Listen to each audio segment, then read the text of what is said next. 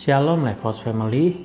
Kita buka 1 Korintus pasal yang ke-15 ayat yang ke-33. Janganlah kamu sesat, pergaulan yang buruk merusak kebiasaan yang baik. Berapa banyak uh, pasangan orang tua yang mulai khawatir di saat anak-anak mereka mulai beranjak dewasa. Beberapa orang tua di antaranya akan memberikan banyak sekali nasihat kepada setiap anak-anaknya. Dan di sana mulailah muncul peraturan-peraturan dan pembatasan-pembatasan terhadap anak. Tapi tanpa kita sadari, eh, anak-anak uh, juga merupakan anak-anak yang cukup cerdas, Bapak Ibu. Kalau saya bilang generasi saat ini itu adalah generasi-generasi yang sangat luar biasa.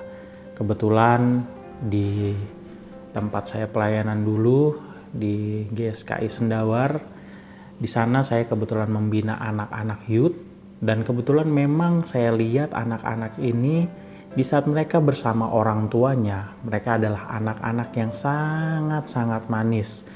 Kalau bisa dibilang mulai dari tutur katanya, sikapnya, perilakunya di depan orang tua mereka, mereka adalah anak-anak yang super. Namun, saya cukup terkejut. Beberapa di antaranya ternyata memiliki sisi lain di kehidupan pergaulannya, khususnya di antara teman-temannya. Dan di sini saya ngambil satu kesimpulan bahwa uh, anak-anak uh, pun saat ini mulai cerdas secara tanda kutip. Mungkin dia di rumah bisa menjadi sesosok anak yang manis, lembut, taat, bahkan tidak melawan orang tua, tapi tidak menjadi sebuah jaminan saat dia berada di luar. Mengapa situasi ini bisa terjadi? Setelah saya melakukan riset kecil-kecilan di saat saya melayani anak-anak tersebut dan untuk informasi, anak-anak yang saya temui tidak berasal dari gereja yang saya bina, tapi anak-anak tersebut dari berbagai denominasi gereja. Jadi saya mengelola sebuah satu komunitas anak-anak muda yang di mana di sana kita membina kerohanian mereka. Lalu saya melakukan sebuah riset terhadap anak-anak tersebut dengan cara bergaul langsung dengan mereka. Dan di saat saya bergaul dengan mereka, saya memposisikan diri menjadi sahabat mereka dan keterbukaan itu pun muncul. Nah dari sanalah saya tahu tentang kehidupan mereka di luar rumah. Dan mereka dengan tidak segan menceritakan apa yang mereka lakukan. Tapi jujur secara pribadi saya cukup kaget untuk beberapa anak-anak. Karena apa yang mereka ceritakan dengan situasi mereka saat di rumah mereka, itu sangat bertolak belakang.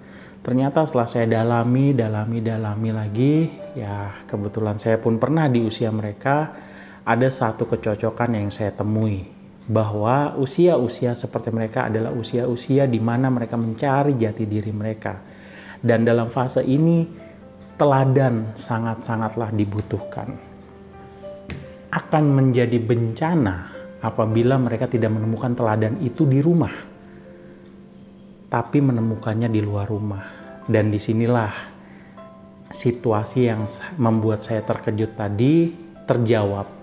Mengapa mereka terlalu banyak mencari sosok di luar rumah? Ternyata setelah saya tanya kepada beberapa anak-anak tersebut, rata-rata jawaban mereka adalah saat di rumah mereka sangat sulit untuk berkomunikasi dengan orang tua mereka.